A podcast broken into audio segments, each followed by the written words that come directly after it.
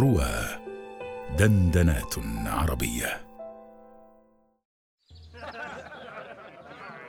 عمت صباحا يا أخا النضير عمت صباحا يا أخي. أريد لرجلي لباسا من نسيج لا يحسب أنه قد يوجد في مكة هذه الأيام. إليك هذه الأتحمية المدخرة. لن تجدي نظيرتها اليوم إلا في اليمن.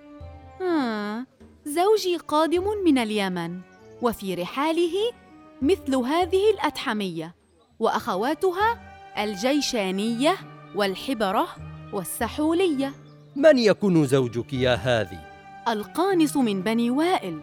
باخ باخ تالله لا يفزعن مما سآتيك به ولا يرين منك لباسا لم يره من قبل. إذا والعزة أجزينك من الثمن فوق ما تريد. يا غلام أحضر الصندوق الموشى. هاك يا سيدي. هذا الصندوق لا أفتحه إلا لأبناء الملوك. سلي عني وسينبيك من يعرفني أني يهوذا بن النضير. لا أفتح صندوقي إلا في حضرة الملوك وأبناء الملوك.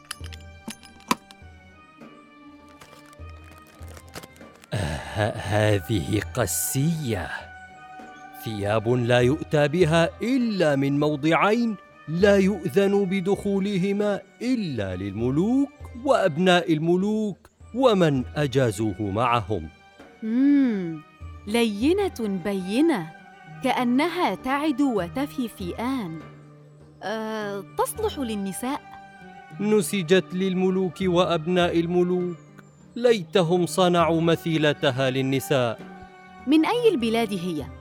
هذه القسية لا تصنع إلا في موضعين قرية يقطنها أمهر نساجة القبط في مصر وبلد في الهند مما وراء نهر وارا. قد أقسمت على زوجك لا يفزعن وأي فزعة؟ أحللت لك ما في هذا الهميان من الدنانير. طاب المبيع. كلا دع الصندوق. سلي عن يهوذا سيخبرونك أني لا أبيع صندوقي ولو لأبناء الملوك.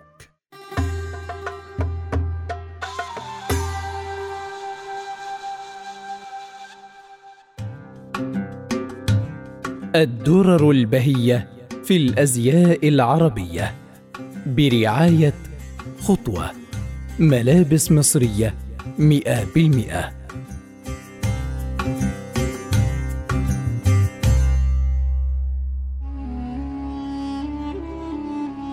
كانت حياة العرب في الجاهلية بسيطة وكانت البساطة عنوان ملابسهم ومنسوجاتهم. إذ كان لباس العرب يتكون من القميص والحلة والإزار والشملة والعباءة والعمامة. وثيابهم قصيرة إلى أسفل الركب وكان الخاصة منهم يلبسون النعال والخفاف في أقدامهم. وكذلك كانت أنسجة العرب في الجاهلية بسيطة من القطن والصوف بالأساس لكنهم مع الوقت تأثروا بالتجار والأغنياء من أهل الشام والعراق حين كانوا يفدون عليهم فيقلدونهم في ملابسهم فصاروا يلبسون الخز والطيلسان والأقبية. ولقد عني العرب الموسرون في الجاهلية عناية فائقة بملابسهم فلبسوا أجود الملابس المصنوعة من الكتان والقطن والديباج والخز والحرير الموشاة بالذهب البيضاء والمصبوغة والملونة. أما الملوك والأغنياء والكهنة والرؤساء فكانوا يرتدون ملابس منسوجة بدقة وحرفية مخصوصة لأجلهم. وربما كانوا يستوردون الأقمشة الجيدة من أماكن أخرى خارج بلاد العرب مما اشتهرت بجودة صناعة الأقمشة والملابس فيها مثل اليمن وبابل وبلاد الشام والهند ومصر وفارس وأذربيجان وغيرها. فاليمن مثلا اشتهرت في الجاهلية وما قبلها بصناعة الثياب الفاخرة وكانت تصدر أنواعا كثيرة من الأقمشة والثياب إلى أنحاء مختلفة من جزيرة العرب ومن أشهرها الأتحمية وهي بردة ملونة موشاة بالأصفر أو الأحمر والجيشانية وهي بردة موشاة أيضا والحبرة التي هي بردة موشاة مخططة من أثمن البرود اليمانية وأخصها للأغنياء وسادات القبائل والعبقري. وهو بساط يصنع من الأصواف وشعر الماعز يكون فيه أصباغ ونقوش وهو المقصود فيما ورد في فضائل الصحابة عند البخاري ومسلم أن عمر رضي الله عنه كان يسجد على عبقري وفيما يخص الصناعه ذاتها فترجع صناعة النسيج والأقمشة والحياكة والخياطة إلى عصور سحيقه وفي الجزيرة العربية في الجاهلية أسس الملوك العرب دورا للنسيج تبيع منتجاتها في الأسواق وكانت من موارد مال خزائن الملوك. واشتهرت اليمن بأنسجتها المتنوعة. وبرع العرب في الحياكة والنسج وخاصة في المدن. أما في البادية فكانت صناعة أولية محدودة محتقرة لا تقوم بها سوى النساء لسد حاجة الأسرة. بخلاف الحواضر والمدن التي صارت المنسوجات الجيدة تنسب إلى مواطن صنعها في اليمن والعراق والشام ومصر.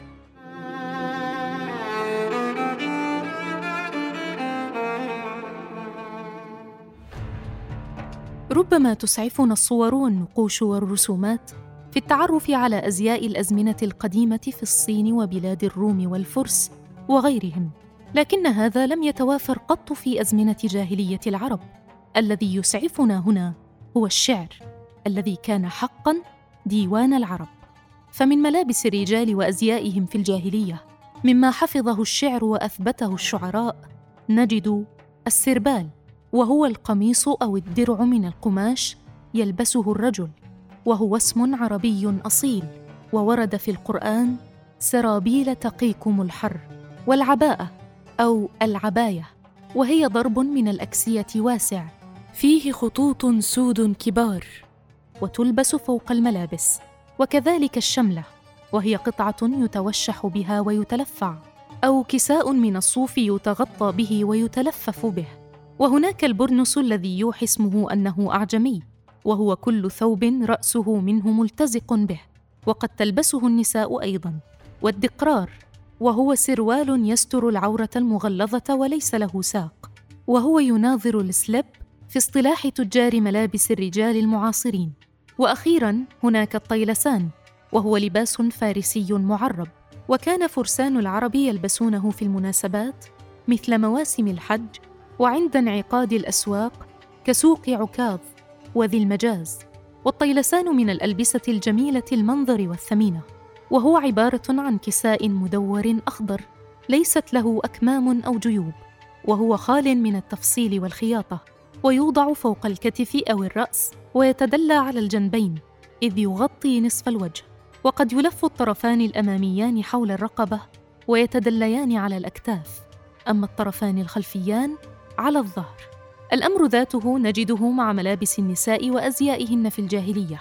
فمما حفظه لنا الشعر الجاهلي البرد الذي حضر بكثافة في أشعار الجاهليين وتشبيهاتهم وهو ثوب يبرز مفاتن المرأة ويكون موشا بخطوط أو نقوش وكثيرا ما كانت ترتدي النساء المترفات بردين موشين وكان من دلائل الترف أن تلبس المرأة بردا تحته قميص مصبوغ بالجساد. وهناك الإتب الذي حفل به شعر النابغة وامرئ القيس وهو ثوب رقيق تبرز فيه المرأة وأصله ثوب أو برد يشق في وسطه فتلقيه المرأة في عنقها من غير كم ولا جيب ويوصف اختصارا بأنه درع المرأة. وكذلك الإزار وهو الملحفة وهناك الأصدة وهو قميص صغير للطفلة الصغيرة يلبس تحت الثوب والبخنق برقع يغشى العنق والصدر والسبجة أو السبيجة وهي لباس مخصوص لربات البيوت عرضه بطول عظمة الذراع وله نصف كم لا يجاوز الشبر. وللطرافة كانت لديهم الحشية وهي مرفقة أو مصدعة تعظم بها المرأة بدنها أو عجيزتها ليظن من يراها أنها مبدنة أو عجزاء أي ذات مؤخرة بارزة. وهي التي نجد نظيرا معاصرا لها من اللدائن المطاطية والسيليكون. أخيرا بدأ الإنسان منذ فجر البشرية يستخدم اللباس في الأساس لستر جسده من البرد والحر وما قد يهدده من الأخطار الطبيعية ثم لستر عورته مع اختلاف طريقة ذلك بين الرجال والنساء وهيئته. ثم استخدم اللباس لإبراز معالم الجمال وزيادة الجاذبية والفتنة وقوة التأثير في الآخرين. ومنذ الجاهلية جاءت الألبسة العربية باعتبارها أحد الجوانب الثقافية والحضارية التي استمر استخدامها عبر العصور الإسلامية لاحقا. وحتى اليوم وإن كانت امتزجت بعناصر وألبسة من أمم وحضارات أخرى لكنها ظلت تؤدي مهمتها عبر تنوع وظائفها ودلالتها على معدلات التطور الحضاري.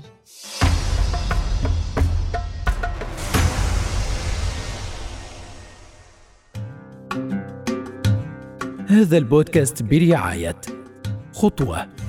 ملابس مصرية مئة بالمئة.